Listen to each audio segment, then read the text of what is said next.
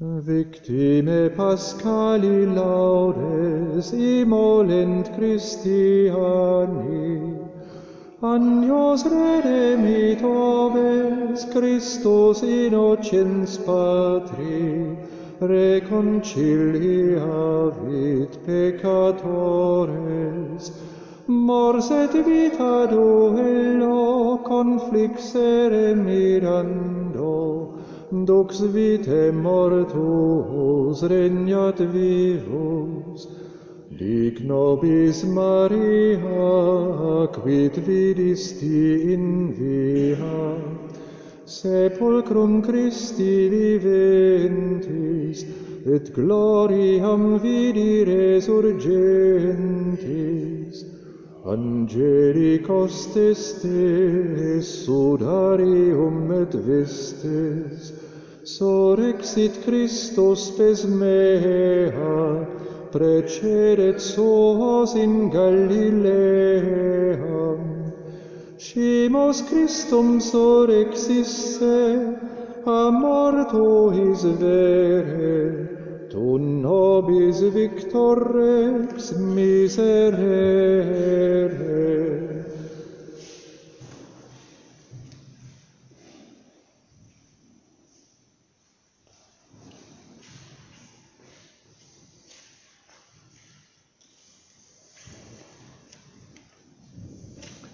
De Heer zij met u. En met uw geest. Uit het heilige evangelie van onze Heer Jezus Christus volgens Lucas. Lof zij u, Christus. Op de eerste dag van de week waren er twee leerlingen van Jezus op weg naar een dorp dat Emmaus heette en dat zestig stadien van Jeruzalem lag. Ze spraken met elkaar over alles wat was voorgevallen. Terwijl ze zo aan het praten waren en van gedachten wisselden, kwam Jezus zelf op hen toe en hij liep met hen mee. Maar hun ogen werden verhinderd hem te herkennen. Hij vroeg hen: Wat is dat voor een gesprek dat gij onderweg met elkaar voert? Met een bedrukt gezicht bleven ze staan. Een van hen, die Cleopas heette, nam het woord en sprak tot hem: Zijt gij dan de enige vreemdeling in Jeruzalem dat gij niet weet wat daar deze dagen gebeurd is? Hij vroeg hen: Wat dan?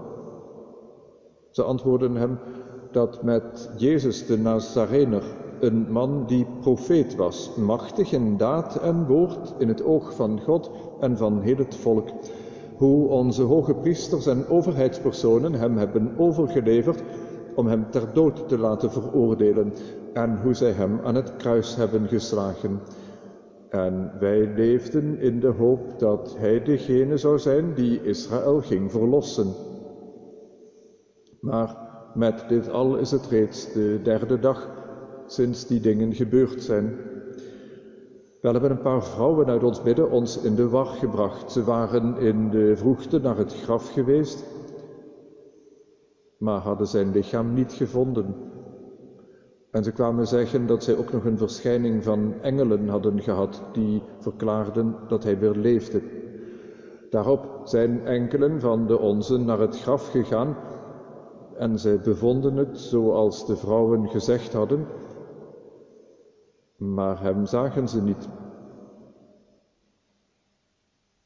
Nu sprak hij tot hen, o onverstandigen, die zo traag van hart zijt in het geloof aan alles wat de profeten gezegd hebben, moest de Messias dat alles niet lijden om in zijn glorie binnen te gaan?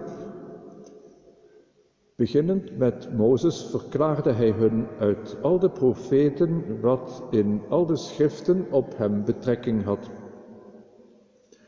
Zo kwamen ze bij het dorp waar ze heen gingen, maar hij deed alsof hij verder moest gaan. Zij drongen bij hem aan, blijf bij ons, want het wordt al avond en de dag loopt ten einde. Toen ging hij binnen om bij hen te blijven. Terwijl hij met hen aanlag, nam hij brood, sprak de zegen uit, brak het en reikte het hun toe. Nu gingen hun ogen open en zij herkenden hem, maar hij verdween uit hun gezicht. Toen zeiden ze tot elkaar, brandde ons hart niet in ons, zoals hij onderweg met ons sprak en ons de schriften ontsloot? Ze stonden onmiddellijk op en keerden naar Jeruzalem terug. Daar vonden ze de elf met de mensen van hun groep bijeen. Deze verklaarden, de Heer is werkelijk verrezen. Hij is aan Simon verschenen. En zij van hun kant vertelden wat er onderweg gebeurd was en hoe hij door hen herkend werd aan het breken van het brood. Zo spreekt de Heer. Wij danken.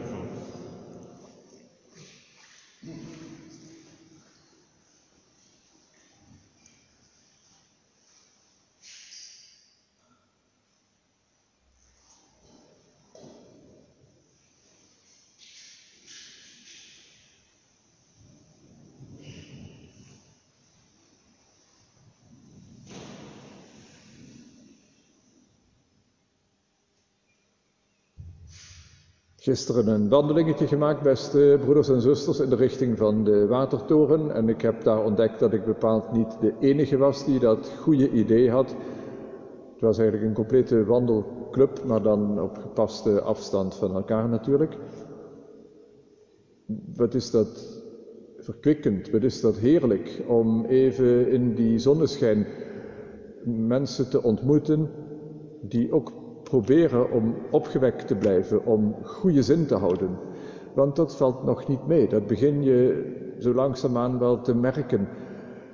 We moeten ervoor uitkijken om ons niet steeds meer bedrukt te gaan voelen. Als je niet naar de watertoren loopt, maar hier straatje op, straatje af, valt het u ook op dat mensen eigenlijk wel erg sip en somber lijken te kijken. En dan wil ik nog niet zeggen dat het lijkt alsof we elkaar als een groot gevaar uit de weg gaan. En natuurlijk blijft u verstandig die afstandsregels in acht houden en blijft u weldenkend met de hygiënevoorschriften omgaan. Maar laten we alsjeblieft niet zo somber en sip en donker en gevoelloos naar elkaar kijken. Want daartoe heeft God ons toch niet als mensen geschapen. Dat is nou precies ook waarom het helemaal misloopt met die leerlingen op weg naar Emmaus. Het was geen wandelingetje naar de watertoren om even goede zin van te krijgen. Het was een wandeling vooral weg uit de ellende, weg uit Jeruzalem, waar het zich allemaal heeft afgespeeld, dat drama rond die onrechtvaardige ter dood veroordeling en die gruwelijke kruisiging van Jezus. Weg van die plek des onheils. Maakt niet uit welke kant op, maar hier kunnen we niet blijven. Twee die somber en sip en verslagen en moedeloos voor zich uitkijken, of zelfs dat niet eens, alleen maar naar de grond turen.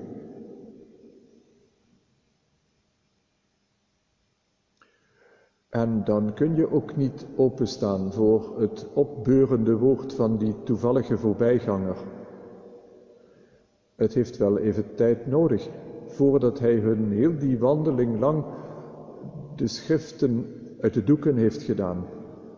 Het heeft hem tijd en moeite gekost om hun harten geleidelijk weer wat te verwarmen. Door die blijde boodschap die hij ook nu tot hun spreekt. Ook al herkenden ze hem niet, maar hun hart begon te gloeien, te branden, zoals ze na afloop zullen zeggen, door die onbekende, die hartverwarmend vanuit de Heilige Schrift tot hen spreekt. Het is eigenlijk een mobiele Eucharistieviering die daar plaatsvindt, daar onderweg waar de schriften aan hun worden verklaard. En hun hart is zo warm geworden dat ze aan hem vragen, blijf alstublieft bij ons. Want als we uw woorden horen, dan gaat het weer goed met ons.